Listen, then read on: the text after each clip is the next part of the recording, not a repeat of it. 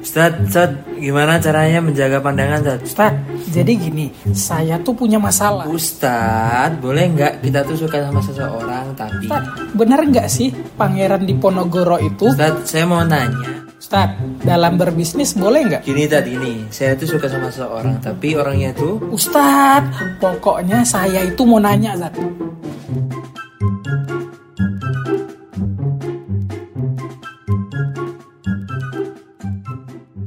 Assalamualaikum warahmatullahi wabarakatuh. Waalaikumsalam warahmatullahi wabarakatuh. Selamat datang Ustadz. Kita... Kok selamat datang ini studio saya, woi. Nah sekarang kita Oke, ada kita mau- sebuah program baru nih Ustadz. Tanya Ustadz Nah, namanya. jadi sesuai dengan yang ada di layar ini guys, uh, Hmm. kita ada program baru namanya Tanya Ustadz. Siap. Nah ini program yang kayak gimana sih Ustadz? Tanya Ustadz itu teman-teman Mm-mm. bisa bertanya berbagai persoalan yang mungkin sedang dihadapi, yang sedang meresahkan, yang sedang bikin baper, yang sedang bikin apa namanya teraduk-aduk perasaan, yang It's my dream mas, not her. Ya, mungkin juga gitu. Nah, gitu karena ya. ini ya Ustadz ya, ini sebagai upaya untuk mengakomodasi teman-teman yang mungkin biasanya suka DM atau mungkin Betul. tanya ke nomor penjadwalan atau Jadi- nama pemesanan buku. Jadi bingung nih mau jawabnya ini tuh pesan buku bukan pertanyaan. Iya. Ini tuh buat apa kontak jadwal gitu. Iya. Nah, kini kita kita sediakan wadahnya. Wih. Tapi cuma sepekan sekali kita masih terbatas ya kemampuan, waktu dan kesempatannya. Siap. Tetapi insya Allah mudah-mudahan menjawab sebagian pertanyaan teman-teman.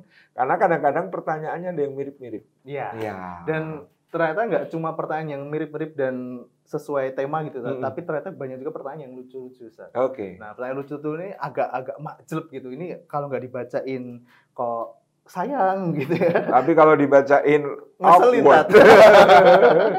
Oke. Oke. Bisa Baik, kita mulai, Mas. Siap. Nah, kita masuk ke pertanyaan yang paling eh, membuat kami bingung menyeleksinya. Nah, Kita bertanya. bertanya-tanya ini.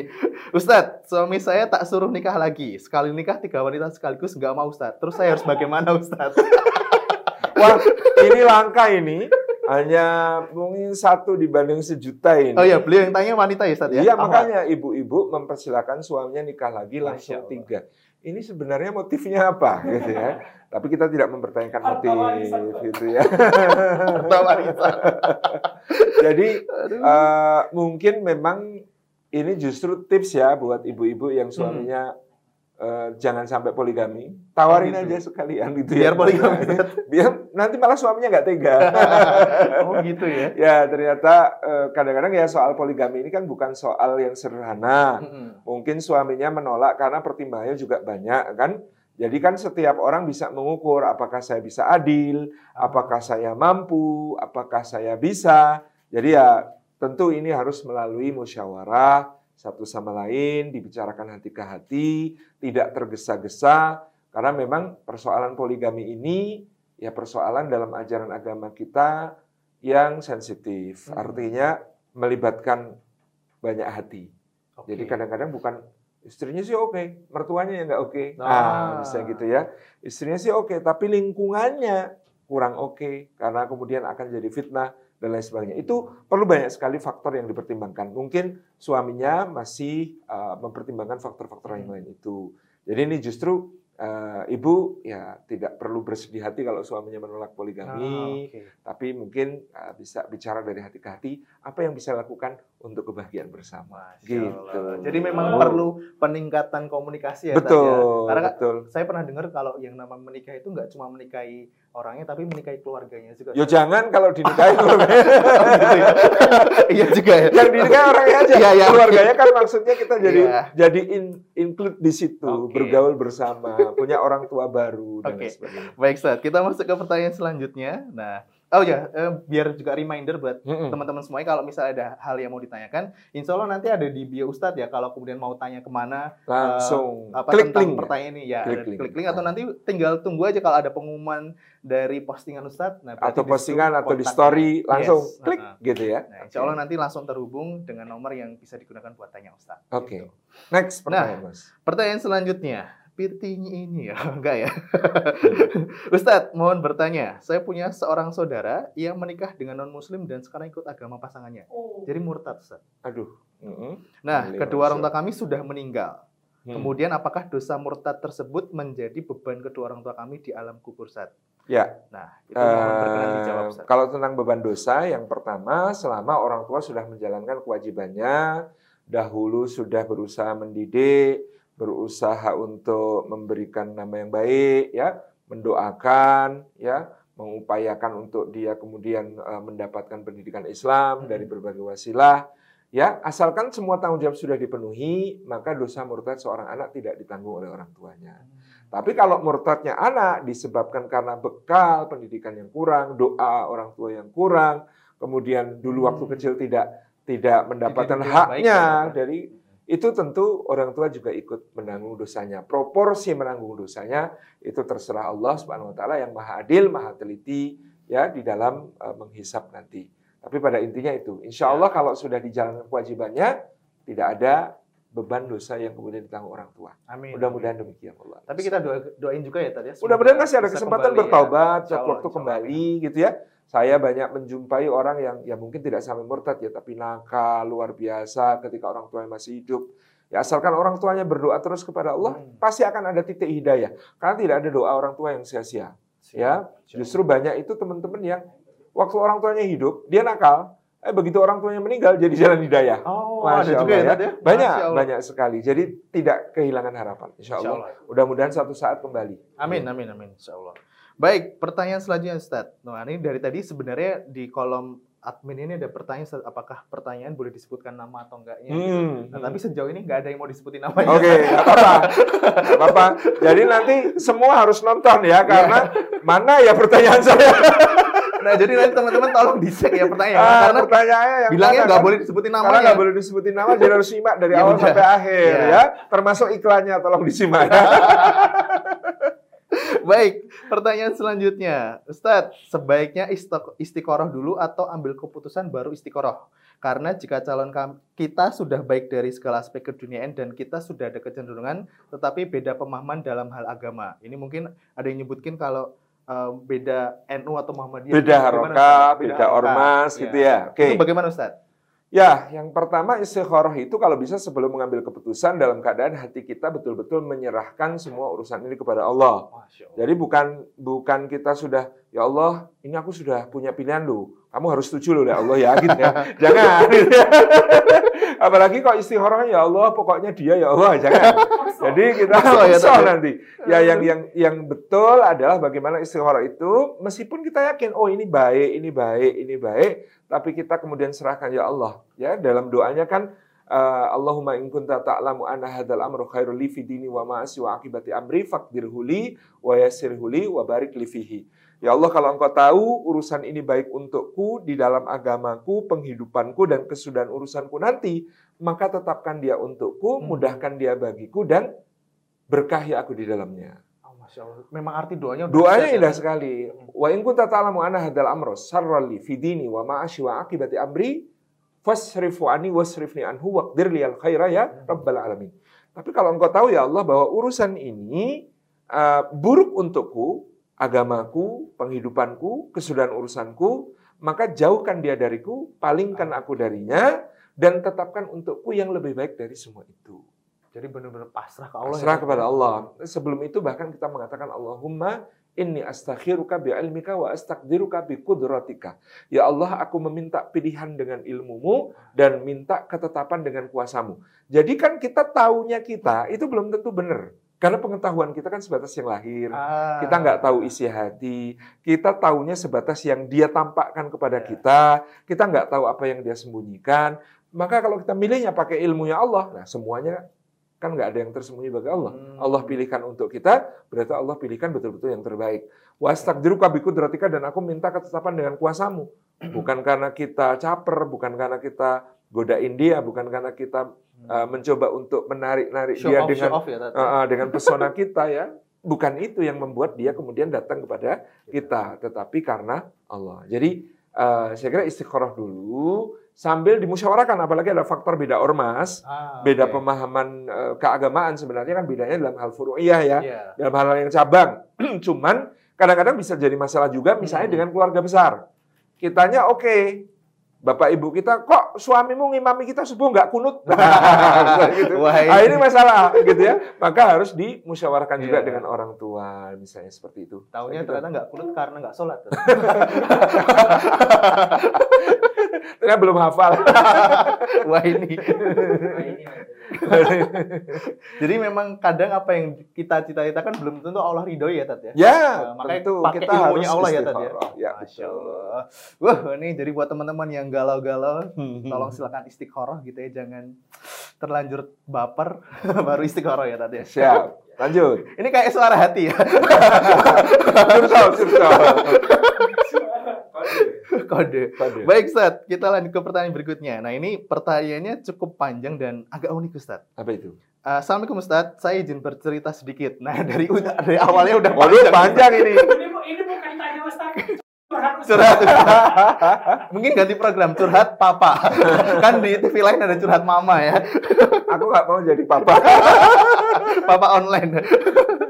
Oke, eh, saya seorang single mom Ustaz. Mm-mm. Sudah meng- mengagumi seorang single papa. Waduh.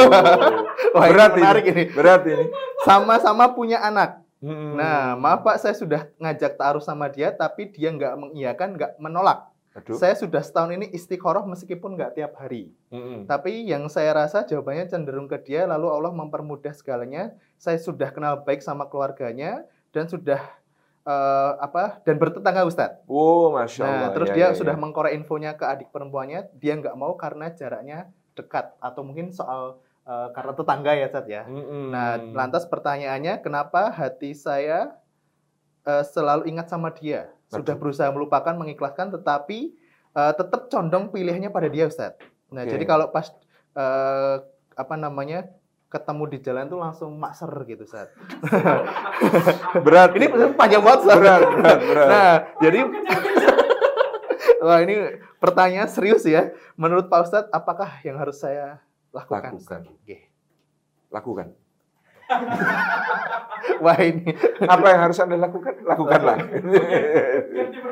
Oke, yang pertama eh, tentu ikhtiar itu berpahala selama kita lakukan di dalam koridor yang Allah Subhanahu wa taala eh, izinkan. Mm-mm. Jadi kalau tadi sudah mencoba untuk ta'aruf, mencoba untuk apa namanya eh, berkontak dengan keluarga, tapi ternyata ada kendala yaitu si laki-lakinya merasa karena tetanggaan justru karena dekat banget gitu justru jadi takut timbul fitnah ganjalan. ya, Tat ya. mungkin takut timbul fitnah atau lain sebagainya.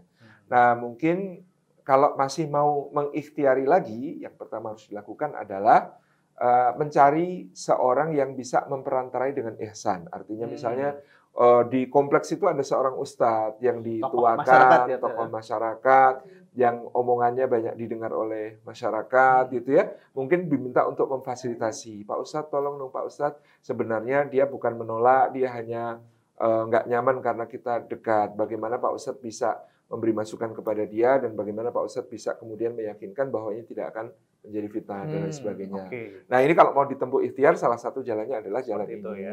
Tetapi kalau bukan, ya kalau artinya sudah kayaknya memang nggak mau gitu ya, karena memang memang merasa ganjalannya terlalu besar si ikhwannya, si laki-lakinya sehingga tidak tidak memungkinkan untuk menuju proses lebih lanjut, ya tempuh jalan ikhtiar yang lain.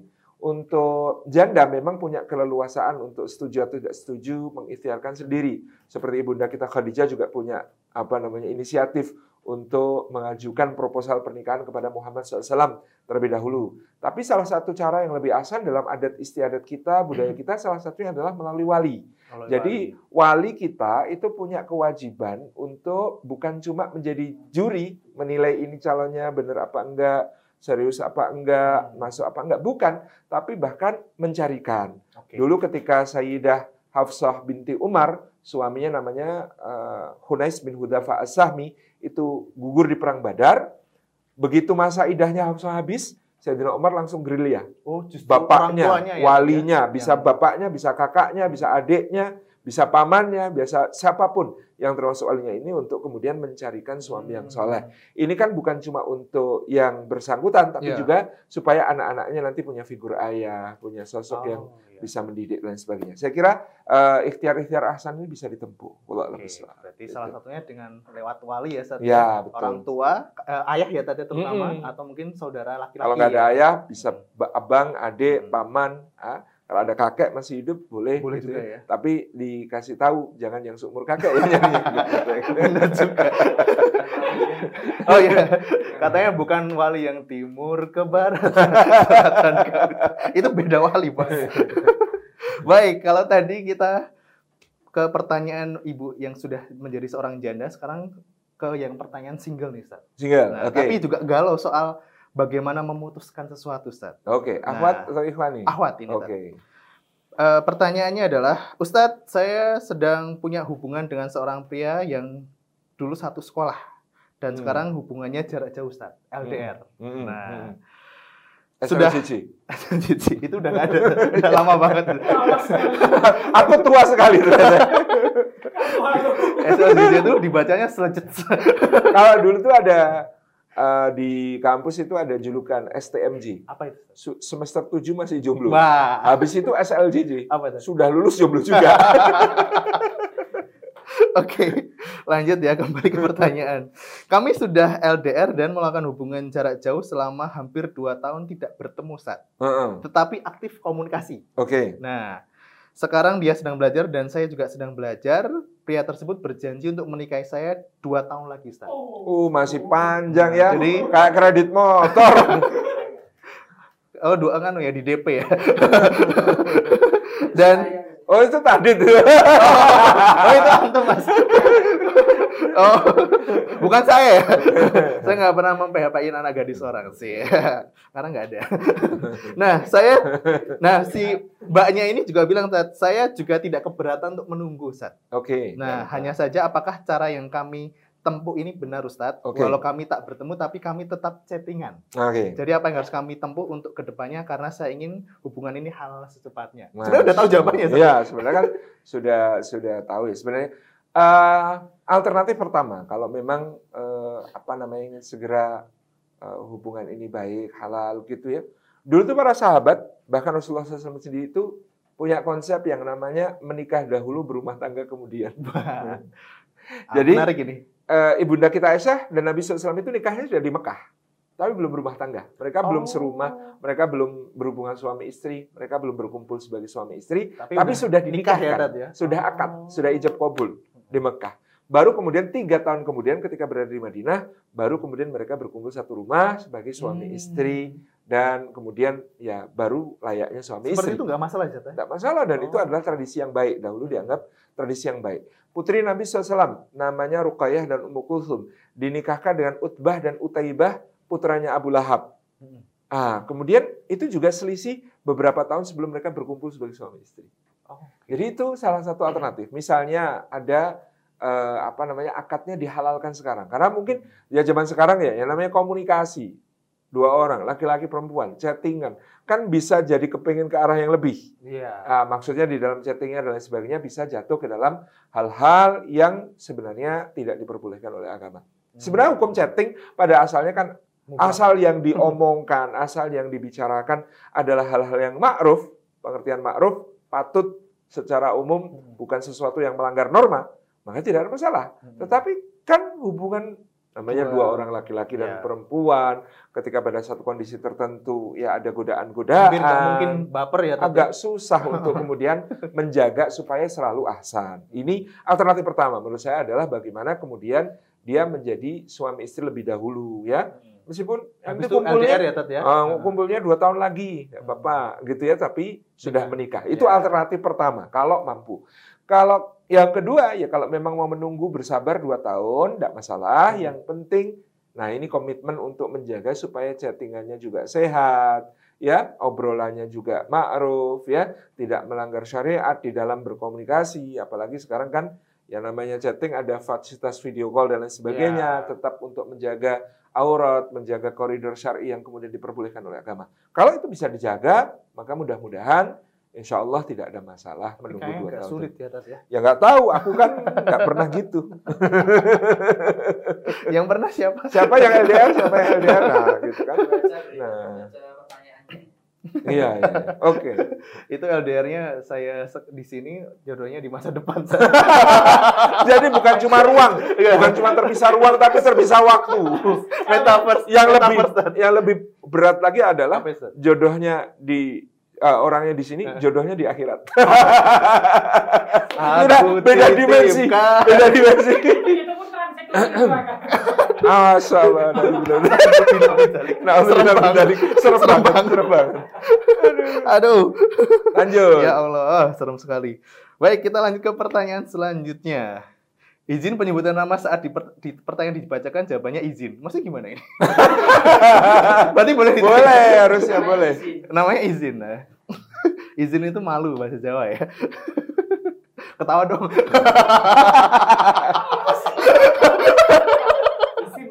Oh, Izin. Oh, itu izin ya.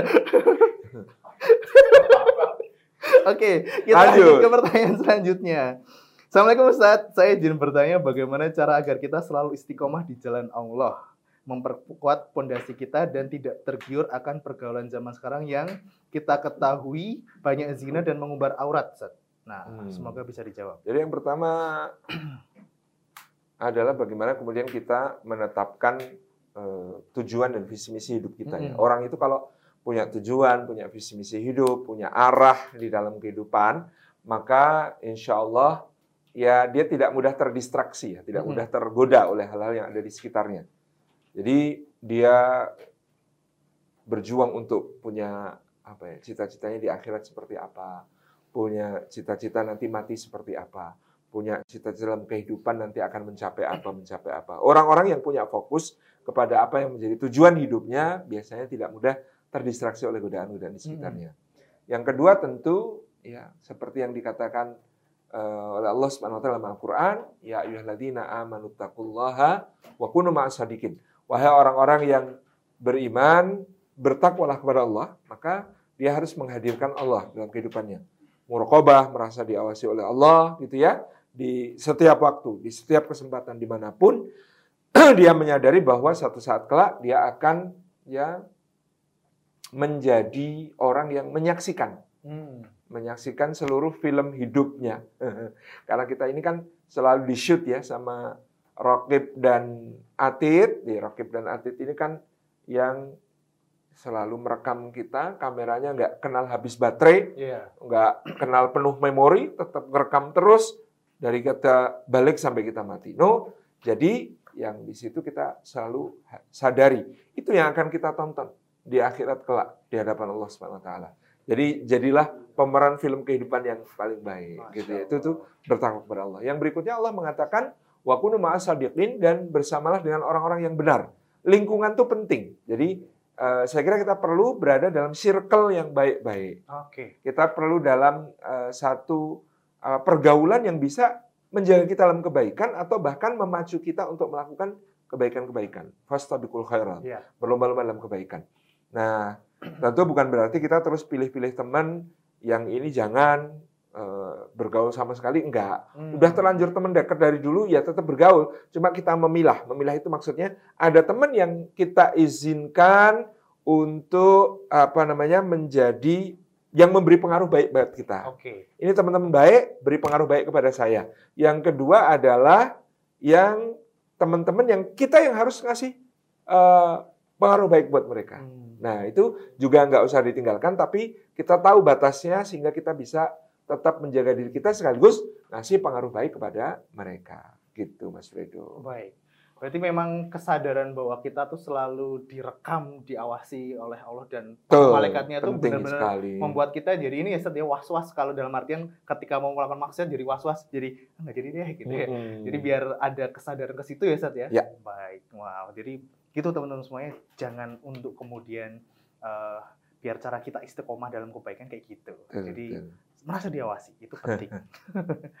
Oke, baik langsung berikutnya. Nah ini pertanyaannya eh agak berat Ustaz. Oh ya. Saya bacanya cukup deg-degan ini. galau. Baik Ustadz, eh, saya seorang akhwat, Mm-mm.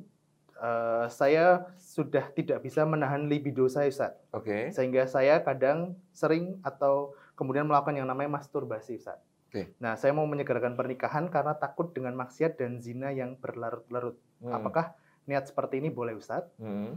Tetapi ada di hati saya sedikit keraguan, eh, saya insecure dengan diri saya, Ustaz. Ditambah orang tua saya berbeda pendapat, eh, kalau kemudian yang namanya bapak itu tidak memberatkan laki-laki yang Hmm. nanti datang untuk meminang, Mm. sedangkan mama menginginkan saya menikah dengan dipestakan yang besar, Ustaz. Oh iya iya. nah, iya. kebetulan mama ini orang Bugis. Orang Bugis itu ada penai, ada Ya. uang apa maharnya besar, kemudian ada uang eh, acara juga harus meriah. gitu. Ya, Eh, begitu itu. terus bagaimana cara ngomong ke orang tua dan Baik. harus bagaimana? Jadi ada dua pertanyaan utama. Oke, Ustaz, oke. ya. Yang pertama ini termasuk hal yang mungkin eh, jarang ya, eh, Iya. akhwat mau eh, menyampaikan persoalan seperti ini, tapi mungkin juga ini eh, persoalan real bagi eh, banyak teman-teman yang lain gitu ya, di tengah kondisi fitnah di zaman kita sekarang yang sangat berat. Ya, kalau teman-teman mungkin eh, membayangkan ya biasanya kalau kasus seperti ini eh, ikhwan ya, laki-laki Hmm. yang banyak banyak ada yang mohon maaf kecanduan masturbasi dan lain sebagainya. Tapi ini kasus di akhwat ini eh, mudah-mudahan eh, Allah Subhanahu wa taala memberikan ya eh, perlindungan penjagaan kepada teman-teman semuanya. Yang pertama adalah alihkan ya. Jadi dialihkan kepada hal-hal yang positif, aktivitas-aktivitas yang bisa menguras diri ya, energi ya. yang lebih banyak ya Eh, menyibukkan diri dalam pergaulan yang baik ya Ya. biasanya kan karena menyendiri karena kemudian mungkin tidak banyak kegiatan yang terlalu menguras energi sehingga kemudian tersisa hal-hal eh, energi eh, waktu tenaga kesempatan untuk hal semacam ini Lagi gabut, Jadi. Ah, kalau kalau kita mungkin eh, memperbanyak aktivitas kesibukan yang positif, insya Allah mudah-mudahan terkurangi paling Oke. tidak. Yang kedua, kalau memang memungkinkan untuk eh, ya kiat ibadahnya adalah eh, berpuasa dan menjaga wudhu. Oke. kalau berpuasa dan menjaga wudhu ini salah satu pintu yang bisa kita tutup dari pintu-pintu yang bisa membawa kita kepada apa yang disebut sebagai eh, kecanduan masturbasi dan lain sebagainya tadi. Yang ketiga tadi ditanyakan tentang apakah boleh meniatkan untuk menikah dengan alasan karena takut terhadap eh, fitnah, eh, zina, libido dan lain sebagainya. Boleh, ini adalah salah satu niat yang mulia. Mm-mm. Di dalam eh, hadis Nabi SAW, Rasulullah mengatakan, ya Allah wajib menolong tiga orang. Salah satu yang wajib ditolong Allah adalah seorang yang menikah karena ingin menjaga dirinya dari dosa. Jadi orang yang menikah dengan niat menjaga dirinya dari dosa itu dijamin oleh Nabi SAW akan mendapatkan pertolongan dari Allah. Oke. Nah kalau kaitannya dengan orang tua ya eh, itu adalah tentang bagaimana berkomunikasi saya kira disampaikan baik-baik tentang apa yang menjadi kerisauan kegalauan kepada ibu dan agar ibu juga memahami hal ini supaya tidak terlalu memberatkan nantinya di dalam eh, apa namanya Dalam proses pernikahan proses ya. pernikahan apalagi kepada pihak pria. Ya. Jadi sekarang nyari orang soleh saja susah. Oke. Apalagi, Apalagi nyari yang- orang soleh yang kaya, lebih susah gitu. kan tadi kalau kalau apa mahalnya besar, pestanya besar kan harus yang kaya. Ya. Nah, padahal prinsip pertama adalah nyari yang soleh. Soleh. Kalau nyari yang soleh aja susah, apalagi nyari yang soleh sekaligus kaya kan gitu. Dan yang paling penting silahkan. Ustaz, apakah dia mau sama Nah itu gitu? ya jadi wah, jangan gitu dong, jangan gitu dong. Enggak maksudnya kan Kita harus kerumitannya susah ya gitu kita tidak boleh pesimis, apalagi optimis. jangan malah. Jadi harus tetap berharap yang terbaik kepada Allah. Tapi tadi kalau memang memungkinkan untuk misalnya apa Hmm. namanya standarnya ibu diturunkan, ya mumpung lagi pandemi juga kan sebenarnya bisa jadi alasan nggak Ya, perlu pesta pesta besar ya, besar tapi, gitu ya. Jadi itu insya Allah bisa jadi jalan. Mudah-mudahan dimudahkan untuk Uhti yang bertanya. Oke, jadi para ikhwan tunjukkan pesonamu. mumpung ada kesempatan nih, mumpung masih pandemi jadi nggak ada pesta-pestanya ya. Jadi silakan. Lebih Gas. lebih murah. Tapi kita doakan ya, semoga Ya, insya Allah Allah. kemudian memberikan kemudahan nanti insya Allah. Ya. Baik Ustadz, kita masuk ke pertanyaan yang waduh agak berat lagi nih Ustadz. Ini pertanyaannya dari seorang bapak-bapak Ustadz. Mm-mm, apa itu? Nah, Ustadz, saya mau bertanya, bila seseorang hamil di luar nikah, Oke. kemudian nikah secara sah untuk anak yang hamil di luar nikah tersebut kan berarti nas- eh, tidak bernasab kepada bapaknya. Oke. Pertanyaannya adalah bagaimana nasab anak kedua, ketiga dan seterusnya, Ustaz? Satu, kalau nikahnya sah, maka anak kedua, tiga, keempat, asalkan dia berasal dari ikatan pernikahan tersebut, ya sah. Tidak ada Oh. masalah, nasab tetap kepada bapak. Mm-mm. Tetapi kalau anak pertama tadi yang kemudian sebenarnya pernikahannya itu apa namanya? Maaf, eh, terjadi perzinahan terlebih dahulu, itu maka eh, dalam Islam ya, dalam Islam nanti disetatuskan nasabnya itu bin atau bintinya kepada ibunya. Oke. Nah, tetapi dalam urusan-urusan resmi kalau memang tetap harus menulis ayah kandung, ya tulis saja ayah yang kemudian menjadi suami dari ibunya itu tidak ada masalah. Tetapi ini harus diingat bahwa secara hukum demikian. Nah, eh, ada yang mungkin bertanya, Ustaz, nikahnya wanita hamil apakah sah? Gitu ya. Mm-mm. Nah, eh, ini memang ada dua pendapat. Di mazhab Syafi'i, wanita yang sedang hamil ini ketika diakadkan nikah oleh walinya kepada seseorang pria, baik pria itu yang menghamilinya atau bukan, Oke. maka pernikahan itu dianggap tidak sah. Tapi dalam mazhab Hanafi maupun mazhab Maliki tidak ada masalah. Pernikahannya tetap sah, tidak ada kaitannya dengan kehamilan tadi Mm-mm. gitu ya. Karena kiasnya di mazhab Syafi'i itu adalah tentang eh, wanita yang bercerai ketika hamil, maka masa idahnya nunggu sampai Lahiran. lahiran. Oh. oke. Sedangkan kan ini bukan karena pernikahan, jadi tidak ada yang menghalangi untuk kemudian melakukan pernikahan. Ini menurut mazhab Hanafi dan Maliki. Kalau mazhab Syafi'i tadi tegas, ya harus nunggu lahiran baru kemudian akad. Artinya jalan tengahnya kadang-kadang untuk menutup aib kan akad nikah dulu meskipun sedang hamil. Mm-mm. Tapi selama hamil karena ikut madhab syafi'i, jangan ada hubungan suami istri. Karena sebenarnya akad tadi hanya akad yang tidak berlaku. Nah nanti begitu lahiran, ada akad ulang. Oke. Ini salah satu solusinya. Jadi kaitannya dengan nasab, tadi kalau yang dia dalam pernikahan yang sah, ya tetap kepada bapak yang Kepada menjadi bapak. suami dari ibunya. Tetapi kalau dia yang berasal dari luar pernikahan, maka nasabnya kepada ibunya. Baik. Ustaz. Terima kasih Ustadz. Wah ini pertanyaan seperti ini jarang yang kemudian memahami secara utuh ya. Ah, ah, karena memang ini persoalan fikih kadang-kadang pelik, Iya. tetapi sebenarnya asalkan eh, bisa bertanya kepada yang eh, ahlinya, insya Allah jadi terurai, mudah, Mm-mm. insya Allah. Baik, kita lanjut ke pertanyaan berikutnya. Wah ini semakin ke bawah semakin berat nih Ustadz. Ayo lanjut mas. Ustadz, saya ingin menata hidup saya jadi lebih dekat kepada Allah. Mm-mm. Nah, saya ingin minta maaf dengan semua orang yang dulu pernah saya buat salah. Saya bilang ke suami saya dan suami saya, saya sok suci, sok alim, Ustaz. Waduh. dan kadang menasihati, eh, baru dapat ilmu sedikit udah menasihati eh, suami saya gitu, Ustaz. Mm-mm. Nah, lantas apa yang harus saya lakukan agar saya bisa berbakti dengan baik kepada suami saya? Yang pertama tentang meminta maaf kepada semua orang yang pernah kita berbuat salah kepada mereka itu memang Hmm. sebuah hal yang eh, natural ya kita secara Ya. alami harusnya begitu. Tapi kalau memang orangnya misalnya susah dicari, oh, nggak tahu di mana ya, itu salah satu caranya menurut Al-Imam An-Nawawi adalah dengan memohonkan ampun untuk dia, mendoakannya dan lain sebagainya. Itu sudah mencukupi. Insya Allah mudah-mudahan karena kita banyak mendoakan ampunan untuk dia, dia juga memaafkan kita Amin. kan gitu. Yang kedua tentang berbakti kepada suami, memang salah satu cara berbakti kepada suami itu jangan banyak menasihati. Wah, ini menarik, Ustaz. Nah, tapi kalau kemudian pengen menasihati gimana? Ah, harus ada caranya, ada Oh. waktunya, ada kesempatannya. Lewat karena perantara mungkin. Ya, karena secara tabiat ya laki-laki itu kowam, pemimpin. Hmm, ya. Ya, tak bisa melihat misalnya dalam dalam salah satu riwayat tentang Sayyidina Umar, satu saat beliau sedang bingung mikirin urusan negara, Hmm. tiba-tiba istri beliau Sayyidah Atikah itu mengatakan kamu tuh harusnya begini, harusnya begini, Oh. harusnya begini. Kemudian si apa namanya eh, Sayyidina Umar mengatakan sejak kapan para wanita ini ngurus-urusin suaminya? Sejak kapan para wanita ini ikut campur urusan Emosi negara ya, gitu? Ya? Emosi. Emosi. Sayyidina Umar secara secara natural, secara tabiat emosi. Waduh. Tetapi kemudian Sayyidah Atikah mengatakan, wahai Umar, siapa engkau sehingga gitu ya menolak masukan nasihat dari seorang wanita, sedangkan Rasulullah SAW kekasih Allah itu mendengarkan wanita yang memberikan masukan. Ini sama-sama keras ya, Tadi. nah, ini memang kalau untuk suami seperti Umar, istri yang seperti Sayyidah Atikah ini ya memang sepadan gitu ya, Iya. jadi bisa memberi masukan. Tetapi pada umumnya memang tabiatnya laki-laki jangan diberi nasihat kalau dia tidak minta. Ya. Jangan diberi masukan kalau dia tidak sedang bertanya. Jangan kemudian kita memudah-mudahkan untuk dikit-dikit ngasih tahu, dikit-dikit ngasih tahu. Oke. Jangankan diberi nasihat, suami mau pergi bekerja atau mau berangkat tugas keluar kota. Terus kita ngomong, pas lagi udah belum?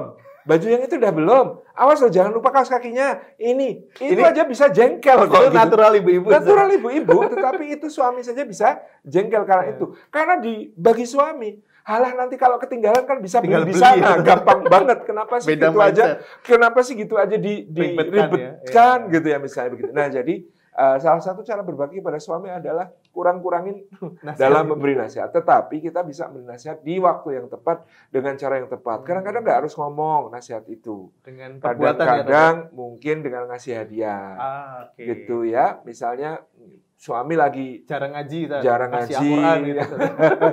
kemudian eh, apa namanya? Bagaimana caranya ya supaya suami mau ngaji? Kita ngaji di dekatnya, dia Hmm. mendengarkan, kan sudah dapat pahala juga, Benar. gitu. Atau sambil Ketika, bilang, ketika Jadi- ditanya, aturannya waktu yang apa di apa jadi apa mahar Ustaz? Iya, Ketika hadir. ya, jadi pe- pengingat itu ya. Eh, Suami lagi eh, sholat ke masjidnya malas-malasan. Mm-mm. Ya sebelum eh, setengah jam sebelum sholat berjamaah misalnya sebelum maghrib siapin sarungnya, Oh, pecinya, kode keras sadajahnya. ya. Ya terus semprot-semprotin pakai parfum gitu ya. Dia kasih tak paham kode itu gitu. Jadi cara menasihati laki-laki tidak harus dengan kata-kata gitu ya. Nah, tapi kalau misalnya memang perlu ngobrol, duduk bersama, jangan bicara kepada laki-laki ketika dia sedang eh, mengurus satu urusan Mm-mm. fokus. Itu nggak akan nggak akan Karena masuk. katanya kalau fokus nggak denger Iya, kupingnya ya, misalnya Ustaz, dia sedang santai, duduk di sofa, kemudian kita Baca bikinkan koran. teh gitu ya.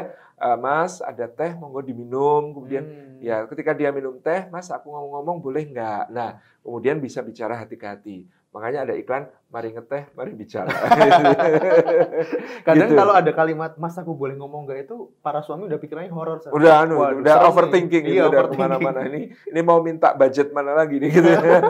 ada masalah apa lagi nih gitu. ya. Oke, baik begitu ya teman-teman semuanya.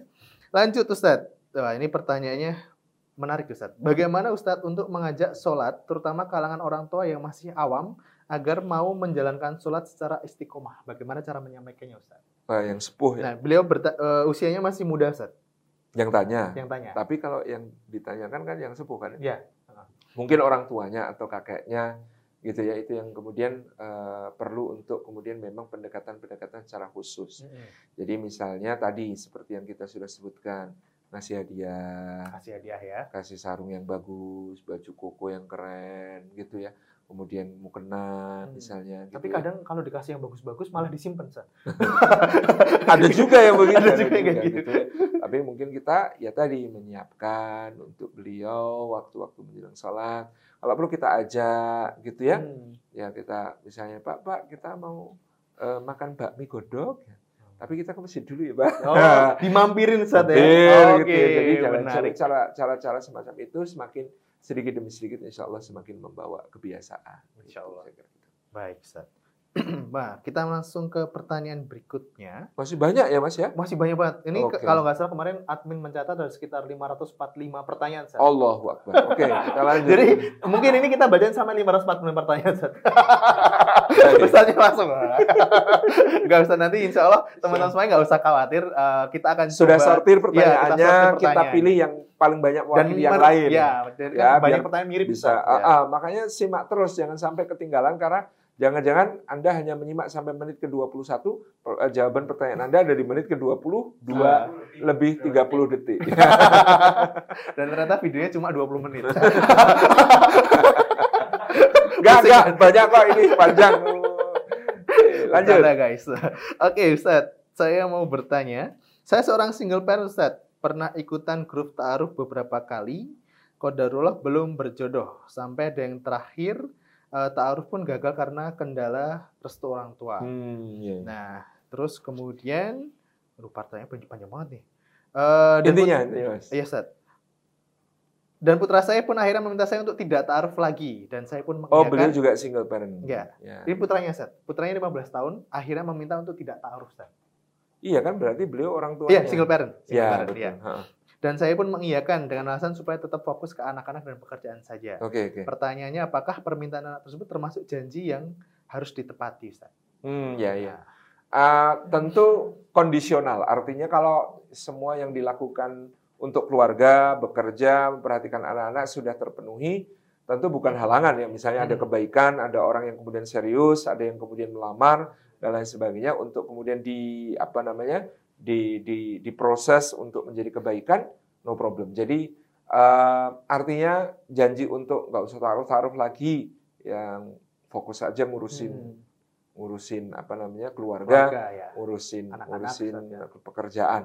Nah, setiap manusia kan punya berbagai kebutuhan ya. Hmm. ya termasuk kebutuhan biologis tentu juga Ya. itu sesuatu yang harus jadi pertimbangan. Jadi ya anak kan nggak ngerasain apa yang dirasakan orang tua. Kalau itu memang menjadi bagian yang perlu diikhtiarkan ya. Seorang apalagi seorang perempuan perlu seorang pendukung, Ya. pendamping, pembimbing, kesah. Ya pemimpin di rumah tangganya. Kalau memang itu diperlukan, ya justru untuk menjadi kebaikan yang luas, ya Ya. nggak masalah gitu ya. Itu insya Allah. Nah, dan tadi pertanyaan masih ada lanjutannya, Ustaz. Apa itu? Eh, pertanyaan berikutnya, saya taruh dulu saat mengajukan syarat untuk calon suami adalah saya tetap tinggal di rumah saya dan eh, minta izin agar bisa menjalankan bisnis yang dulu ditinggalkan almarhum suami. Ustaz. yes, Nah, apakah berarti boleh mengajukan syarat tersebut? Karena eh, sebagian orang mengira dengan syarat tersebut saya dikira tidak berniat menikah karena syaratnya tidak umum. Banyak yang mundur juga karena hal tersebut. Iya, kalau saya sih tidak ada eh, menemukan referensi yang melarang syarat-syarat semacam itu. Tidak ada masalah kalau itu memang diajukan sebagai syarat, kalau ada yang menyetujui. Eh, misalnya ya, eh, alternatifnya misalnya pernikahan poligamis misalnya menjadi eh, istri kedua untuk suami yang itu berarti kan secara ekonomi tidak akan membebani suaminya misalnya gitu ya dan lain sebagainya. Hal-hal seperti itu mungkin-mungkin saja dan tidak ada masalah tentang syarat tersebut. Baik, wah jadi gitu teman-teman semuanya.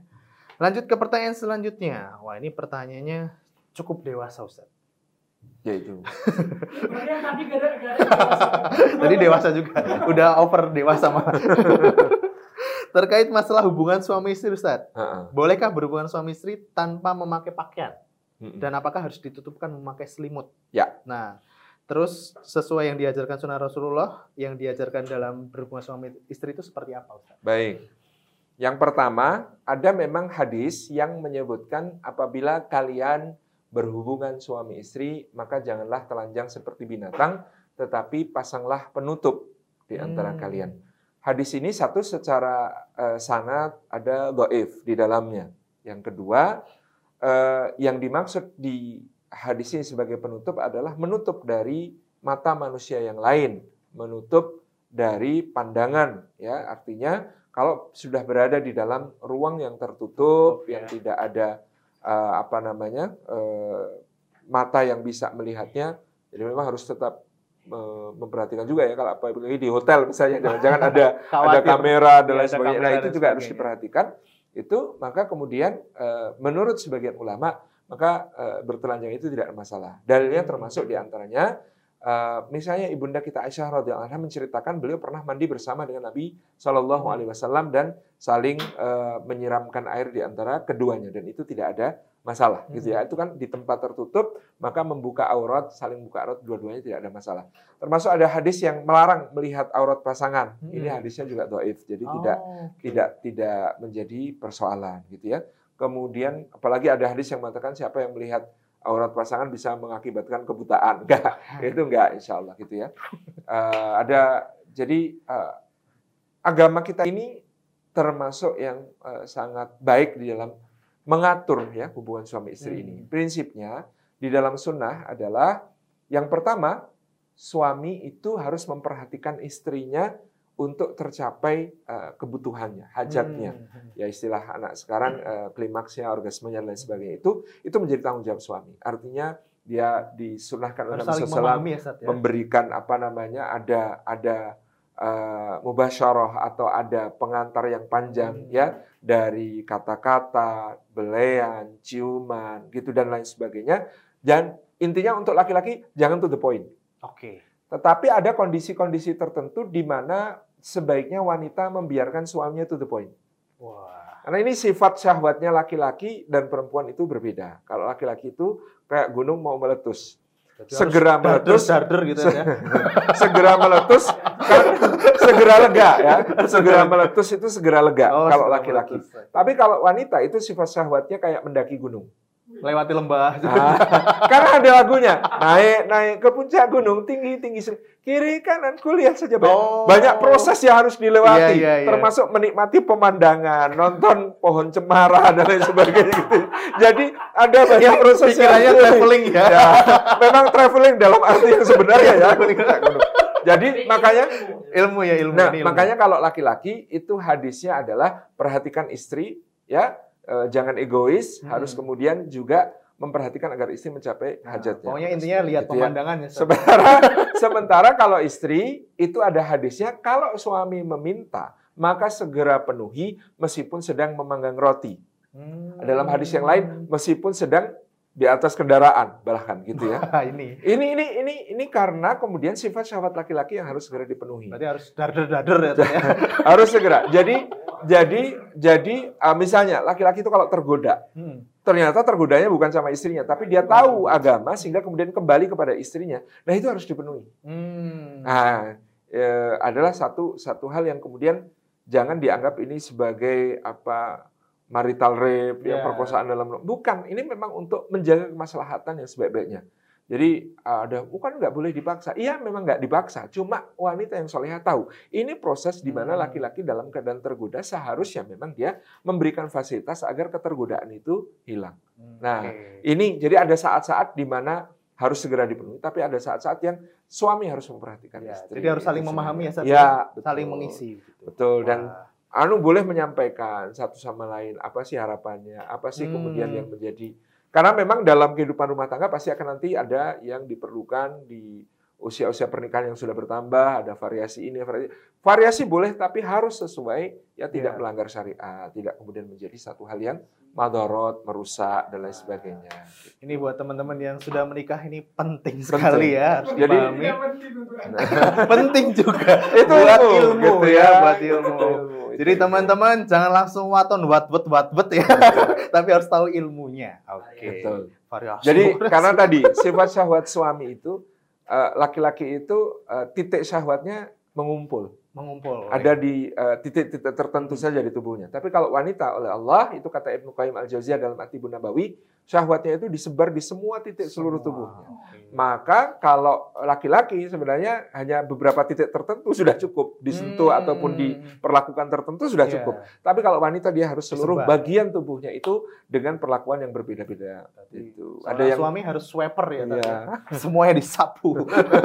harus ngerti. Selesaikan. Ya.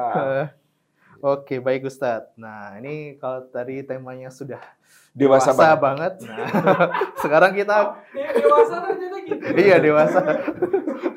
ini jadi takut dewasa ya. Sekarang yang childish. Ya, enggak, ini enggak childish ini. Ini justru eh, prasejarah. Oh, enggak. Ini temanya berat ini, Ustadz. Enggak berat sih, apa apa ya? Eh, masa lalu, Ustadz. Oke. Ustadz, kapan Ustadz mengadakan napak tilas ke Wali Songo? Wah, Ini adalah gimana sih? Saya sudah kaget gitu. dengan tata cara yang syar'i Oke. menurut Islam karena banyak sekali eh, ziarah yang kemudian justru malah menjadi eh, sarana pendangkalan akidah. Oke, iya. Ini mem- memang sudah menjadi satu hal yang kepikiran saya dari dulu gitu ya. Bagaimana kemudian menyelenggarakan satu ziarah wali ya yang kemudian bisa memberikan edukasi kepada masyarakat tentang bagaimana tata cara ziarah yang betul dan sekaligus edukasi kesadaran sejarahnya. Nah, mohon doanya mudah-mudahan ke depan tim staff manajemen bisa bekerja sama dengan pihak-pihak terkait Amin. untuk menyelenggarakan ziarah-ziarah yang semacam itu. Mungkin dari Cirebon sampai ke daerah Pantura ya, Eh, Ustadz, ya? sampai ke apa namanya Surabaya kan Iya. jalurnya itu Cirebon sampai Surabaya Wah. karena dari Sunan Gunung Jati sampai Sunan Ampel Masya gitu. Allah. Dan kalau nggak salah itu tema eh, jalur perjalanannya juga banyak makanan enak, Ustaz. nah, itu saya kulinernya kulinernya maknyus ya. Iya, Insya Allah. Oke, jadi tunggu aja insya Allah mohon doanya biar nanti bisa kita bikinin Iya, programnya. Oke. Baik, Ustadz, kita lanjut ke pertanyaan. Nah, ini tentang fikih, Ustadz. Ini masih ada waktu nggak mas? Ya. masih, Ustadz? Masih Dikit ada... lagi ya. Oh ya, oke. Ini pertanyaan Hmm. terakhir, Ustadz. Oke, Jadi oke. insya Allah ini nanti kalau ada teman-teman yang belum terjawab, insya Allah nanti akan ada Jangan pertanyaan berikutnya. apa namanya jangan Khawatir jangan itu putus ya. asa. Kita Gitu. jawab via TikTok. Mbak. Oh ya, nanti Boleh dijawab- tanya lagi. Oh iya Ah. nanti di TikTok akan kita Oh, jawab-jawab ya. juga. Buat teman-teman yang punya TikTok dan belum follow, follow nah, nanti Salimah Villa official ya. Tapi saya nggak joget di sana. yang joget tim di belakang kamera. Jadi, kita nggak lihat. nanti ada penari latar ya. Aduh. Nah, jadi kita memang apa ya? Jadi TikTok ini nggak cuma joget-joget doang, teman-teman semuanya. Ada materinya yang penting, insya Allah. Ustadz, saya mau bertanya, bagaimana cara sholat ketika saya berada dalam perjalanan dari Indonesia, misalnya menuju ke negara di Eropa? Oke. Misalnya jam penerbangan dari Jakarta pukul 16. 16 sore, Eh, sorry, ya. pukul 18 pada tanggal 3. Oke. Dan tiba di Eropa misalnya jam 5 pagi tanggal 2. Bagaimana cara menyikapi waktu sholat yang demikian? Apakah Bentar. Berangkatnya tanggal 3? 3 eh Iya, Tat. tanggal Pukul, 3. pukul, pukul 16 tanggal 3 dan tiba di Eropa tanggal 2 jam 5. Nggak mungkin ya, Tat? ya? Kok aneh ya? Nggak mungkin ya. Kalau tiba tanggal tanggal 3 juga jam 2 bisa. Nah, ya. Heeh, heeh. Beda waktunya cuma sekitar 6 sampai 7 jam ya, Tat? Yes, Nah. jadi mungkin Ke eh, Amerika mungkin, Tat? Nah, mungkin kebalik ya. Nah. Perjalanannya ke timur. Ya. Ya, tapi kalau perjalanan ke timur malah lebih tua, lebih anu juga. Oh, keba- kan Ustaz, eh, dari Jakarta misalnya jam 6 sore, terus lewatnya Qatar ke Doha, terus Doha ke Amerika Ustaz. Itu selisih berapa hari jadinya jatuh? Itu, nah, saya nggak hafal. Pokoknya intinya begini ya. Ini. Ah, Nah. pokoknya intinya waktu Hmm. sholat yang bisa dilaksanakan sholatnya, ya, kemudian dengan di jamak dan dikosor di atas pesawat, misalnya, tetap dilaksanakan, gitu ya. Hmm. Misalnya kita berangkat dari sini sore, kemudian eh, Bisa jamak kosong maghrib isya gitu. ya, iya ya? iya iya terbang ke ke mana eh, arah barat menuju ke Eropa, nyampe nya di sana adalah jam, oh misalnya tadi saya pernah ngalamin ini yang malah harinya memanjang ya. Wah. Karena saya berangkat pagi dari eh, Jogja ke Jakarta, Jakarta Singapura, Singapura London. Wah. Itu yang repot Mundur kalau ya? jadi saya berangkat subuh kan dari Jogja ke Jakarta flightnya. Nah itu dulu puasa. Subuh puasa, Ini yang pesen tiket harus dimarahi. Subuh puasa sampai Jakarta kan jam 7 landing. Jam 9 take off ke Singapura. Singapura. Satu setengah jam kemudian take off ke London. Sampai London itu jam 18 waktu London. Dan belum maghrib. Belum, sebentar. Jam 18 waktu London itu berarti di Indonesia ditambah 7 sudah jam 1 malam. Satu malam. Jam 1 malam, oke? Jam 1 malam waktu Indonesia. Di sana maghribnya jam 22 waktu itu. Allahu Akbar. Jam 22 berarti 4 jam kemudian di Jam lima Indonesia pagi. sudah jam 5 pagi. Allah Itu berarti puasa kalau mau diikuti 24 jam. 25 jam. nah, itu ya karena safar kita bisa ngambil rusuh, nggak Nah. usah berpuasa gitu ya. Nah, sholatnya bagaimana? Ya laksanakan sesuai dengan waktu di atas pesawat. Hmm. Oh, ini masih terang, gitu ya. Berarti belum maghrib. Ya. Jangan ngikutin waktu maghrib Indonesia, karena kita sudah tidak di Indonesia. Hmm, Gitu itu contohnya, gitu ya. Disimpelkan. Kalau pesawat-pesawat yang maskapai seperti Qatar itu biasanya ada info. Saudia itu ada info Hmm. kapan waktu sholat, gitu ya. Nah, yang repot biasanya waktu pendek. Terbang dari Turki ke Jakarta, Ya, berangkatnya malam. Kita kadang-kadang subuhnya, ah, Ah. Ya, jarak antara Isya dengan subuh jadi dekat sekali misalnya. Iya. Nah, itu yang harus diperhatikan. Oke. Tapi kalau misalnya miss ya sholatnya, aduh belum subuh, di luar sudah terang, nggak apa-apa. Ketika sadar langsung laksanakan. Oh, Gitu. Jadi kita eh, simpelkan aja ya, kita simpelkan aja di dalam eh, apa namanya eh, sholat ini, ya ikuti waktu. Kalau memang waktunya mungkin untuk sholat, sholat. Gitu. Oke, siap. Jadi gitu teman-teman semuanya, tinggal kita perhatikan kondisi sekitar Betul, ya. Nah, betul, Nanti betul. bisa kita tunaikan sholat sesuai waktunya. Oke. Dan Ustadz, eh, sepertinya karena masih banyak sekali pertanyaan yang belum diselesaikan, kita akan bagi jadi part yang berikutnya. Next, insya Allah jadi kita akan bahas tetap. ya. Ya, simak terus karena kamu tidak pernah tahu kapan pertanyaanmu akan dijawab. Bener juga. Tapi insya Allah terjawab. Seperti- insya Allah Kalau terjawab. punya pertanyaan baru bisa chatting admin lagi. Ya. Ya, betul. Pokoknya kalau ada pertanyaan baru silakan chat chatting admin lagi, insya Allah. Dan nanti akan dibanyak, eh, dibanyakan, di- dibahas. Ya. Mas Rudi kok ada buku banyak? Nah, ini Ustadz, terutama yang paling depan Ustadz. baru ya? Ini Ustadz punya Oke. buku yang terbaru. Ketika aku dan kamu menjadi kita. Wah, Jadi apa? Ya kita. kita. Kan? Jadi apa? Prok prok prok. Yuk dibantu ya. Jadi teman-teman semuanya yang sedang dalam upaya persiapan pernikahan ataupun yang sudah menikah Ustaz ya. Sudah Jadi insya Allah silakan. di awal pernikahan atau Ya. bahkan banyak yang kemudian mungkin akan mendapatkan manfaatnya dalam komunikasi suami istri, Ya. dalam memahami pasangan dan lain sebagainya. Itu di buku ketika aku dan kamu menjadi menjadi, kita. kita. Jadi pokoknya cek di story dan di postingan Sasar Mafla. bisa di PO segera. Siap. Insya Allah. Dan Harganya baju-baju murah sekali. Terbaik kita juga ada di sebelah Wah sini. ini full heart. ini baju ini full heart, heart. Itu full heart. heart. Ini full heart gitu Ya. ya. Dan Jadi ini- kita sepenuh hati. Sepenuh hati. Dan ini dari saya. Iya. Apa sih? Oh mas, itu bukunya kabar terbaru udah di PO Oh, iya. dari seribu. Masya Oh, masya Allah sudah ada ribuan yang sudah pre-order. Jangan Mm-mm. ketinggalan, jangan eh, apa namanya tunda-tunda. Insya Allah mudah-mudahan kesempatan pertama. Itu yang di dapat eh, pre-order nanti saya harus tanda tangan. Iya, Sat. Nah, jadi teman-teman yang sudah pre-order nanti akan dapat tanda tangan eksklusif dari Ustaz Salim. Tanda tangan langsung ya. Jadi kalau teman-teman? Jadi kalau teman-teman kalau bentar lagi lihat Ustaz Salim tangannya agak-agak sakit gini-gini ya.